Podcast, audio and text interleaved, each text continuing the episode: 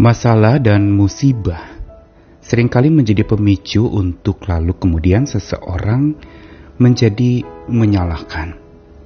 Apalagi bila sudah diberitahu lalu kemudian dilanggar dan musibah serta masalah datang karena penyimpangan atau pelanggaran itu mungkin pada umumnya orang akan mengatakan bukankah sudah kuberitahu tetapi apakah berhenti sampai di situ masalah dan musibah akan selesai? Tentu saja tidak. Karena makin masalah musibah datang lalu ditambah dengan saling menyalahkan atau menegur orang dengan lalu kemudian mengatakan bukankah sudah kuberitahu dari dulu itu tidak akan menyelesaikan apa-apa. Malah bisa tambah masalah baru dan bisa tambah musibah baru yaitu apa orang menjadi rasa bersalah, menjadi takut atau menjadi menyesal dengan apa yang menjadi keputusannya. Karenanya kita mau belajar tentang bagaimana definisi orang yang tabah. Yaitu orang tabah bukan sekedar yang tidak mudah menyerah kalah, tetapi tidak mudah pula mencari siapa yang salah. Karena bila orang yang tabah itu mencari siapa yang salah, sebenarnya dia tidak tabah. Dia mencari kambing hitam dan bukan justru datang menyerah kepada Tuhan yang memberikan tentram itu. Karenanya kita perlu belajar agar tabah kita bertambah. Tambah sembah Tuhan, tambah tabah kita di dalam Tuhan.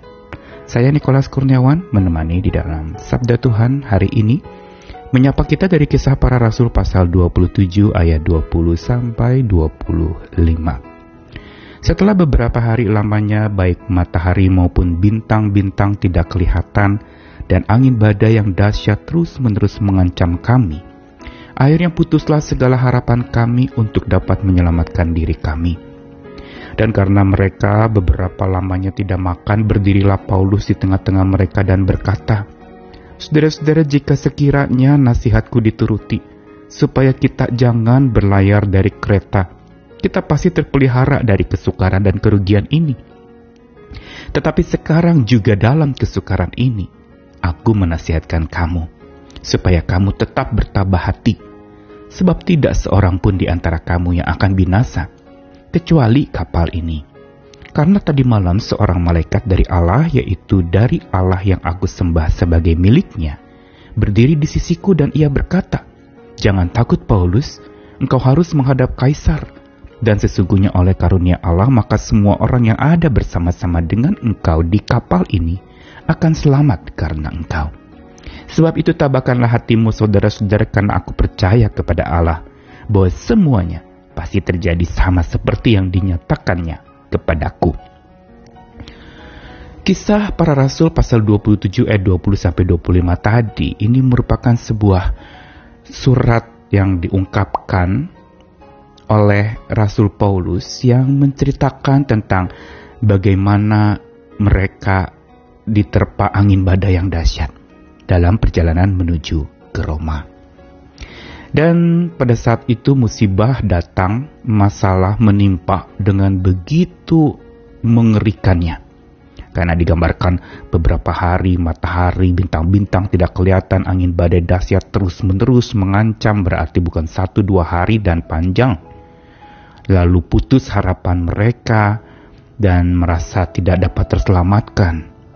Bahkan satu lagi mereka tidak makan, kelaparan Karenanya perhatikan bagaimana Paulus bereaksi di dalam hal ini. Dia mengatakan, saudara jika setira, sekiranya nasihatku dituruti, supaya kita jangan berlayar, kita pasti terpelihara dari kesukaran dan kerugian ini. Nah, ungkapan Paulus ini adalah ungkapan yang biasa sering diucapkan seseorang ketika masalah atau musibah datang. Dengan mengatakan, tuh kan, bukankah saya sudah bilang, jangan lakukan, ah ini kan kejadian. Nah, Langsung pada saat itu semua jadi rasa bersalah. Oh iya kita salah. Tetapi menariknya justru Paulus berdiri di dalam keadaan lapar, dalam keadaan ketakutan, badai datang terus-menerus. Memang dia mengatakan, bukankah sudah kuberitahukan, tapi tidak berhenti sampai di situ. Dia mengatakan inilah pengakuan dan pernyataan imannya yang kuat. Tetapi sekarang juga dalam kesukaran ini, Paulus mengatakan, Aku menasihatkan kamu supaya kamu tetap bertabah hati. Sebab tidak seorang pun di antara kamu yang akan binasa kecuali kapal ini. Tabah hati di sini adalah sebuah ungkapan di mana hati seseorang tertata dengan penuh sukacita. Cheerful heart, kira-kira begitu tabah hati. Hati itu ditata begitu rupa untuk tetap tough, tetap kuat, tetap berani menghadapi tantangan. Ini makna kata tabah. Dan justru di sini menariknya lagi adalah bahwa Paulus mengatakan untuk bertabah bukan tanpa alasan, tapi punya satu alasan yaitu apa? Dia didatangi malaikat Tuhan dan Tuhan yang dia sembah itu mengatakan jangan takut. Paulus, engkau harus menghadap kaisar dan oleh karunia Allah maka semua orang akan selamat bersama dengan engkau. Tabahlah. Apa yang dikatakan oleh malaikat Tuhan itu pesan dari Allah yang menjadi landasan serta alasan Paulus untuk menasihati orang-orang yang saat itu sedang kelaparan, ketakutan di tengah badai dalam kesukaran yang begitu berat untuk tetap tabah. Inilah dasar ketabahan orang percaya. Apa dasarnya? Dasarnya bukan sekedar keyakinan diri, bukan sekedar merasa wah saya pasti bisa memotivasi diri begitu rupa atau mensugesti diri seperti yang sering kali kita dengarkan. Tetapi dasar dari ketabahan kita adalah penyataan Tuhan. Dasar dari ketabahan kita adalah bagaimana Tuhan berkarunia. Bagaimana Tuhan itu yang kita sembah itu sebagai milik Tuhan itu dia berdiri di sisi kita berarti dia menemani kita dia menghampiri kita. Dan karena itulah kita tabah. Bukan tabah yang tanpa alasan, tapi tabah yang beralasan kuat. Yaitu apa? Ada Tuhan Maha Kuat yang sedang mendampingi kita. Ada Tuhan Maha Kuat yang memberikan ketabahan kepada kita. Ada Tuhan Maha Kuat yang menjaminkan keselamatan untuk kita. Ini yang harus kita pegang. Dan karena itu Paulus berhasil menguatkan orang-orang lain yang ada pada saat itu di tengah kesukaran yang besar dan di tengah-tengah kehancuran hati mereka. Tuhan lewat Paulus menasihati untuk supaya tabah. Dan sumber tabahnya adalah dari sembah kepada Tuhan. Makin sembah, makin tabah.